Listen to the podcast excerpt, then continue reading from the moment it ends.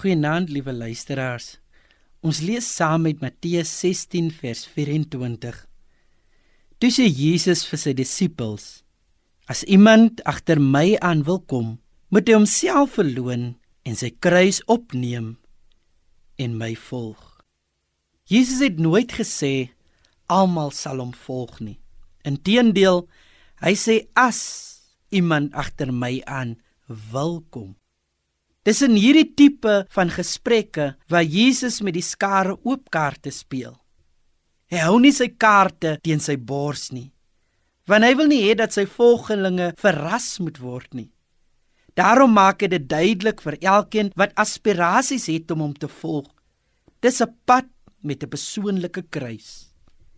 Die kruisiging van mense in die tyd van Jesus was altyd om mense in openbaar te laat ly om hulle te verneder en om hulle in die skande te bring. Dit is die tipe kruis wat elkeen van Jesus se disippels sal moet dra. Jy word in die skande gebring soms vir sake waarvan jy nie eers verantwoordelik is nie.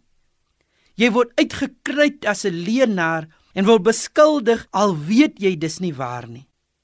Maar dit Jesus se persoonlike kruisomstandighede leer ons dat daar altyd oorwinning wag vir alle kruisdraers.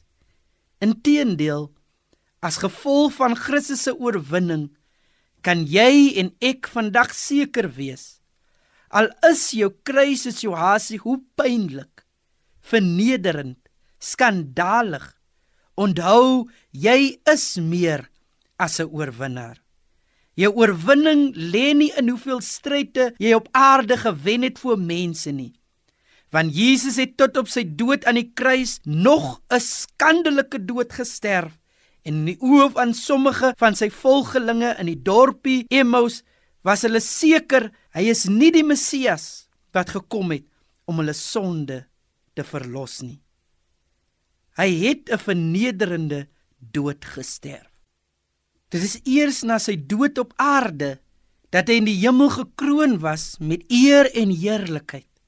'n Naam gegee was bo elke naam vir wie elke knie sal moet buig en tong sal moet bely dat hy die Here is.